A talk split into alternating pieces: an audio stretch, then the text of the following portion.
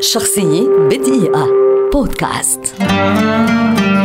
أرنولد شوارزنيجر. بطل كمال أجسام ممثل وسياسي جمهوري أمريكي من أصل نمساوي ولد عام 1947 بدأ تدريبات الأثقال في سن الخامس عشر وفاز بلقب Mr. Universe في سن الثانية والعشرين كما فاز بمسابقة Mr. Olympia لسبع مرات وظل وجها بارزا في رياضة كمال الأجسام لفترة طويلة بعد تقاعده. وقد ألف عدة كتب ومقالات عن هذه الرياضة ويتم الاحتفاء به حتى اليوم في مسابقة Arnold Classic السنوية لكمال الأجسام.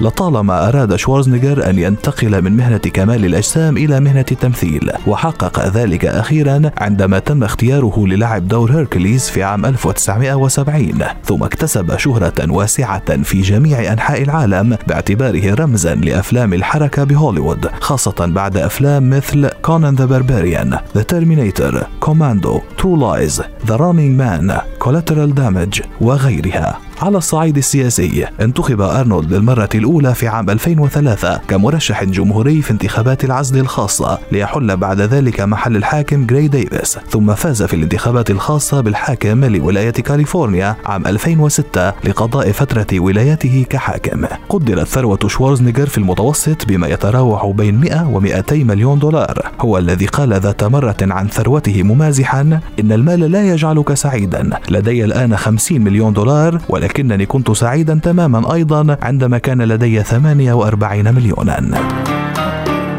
شخصية بدقيقة. بودكاست.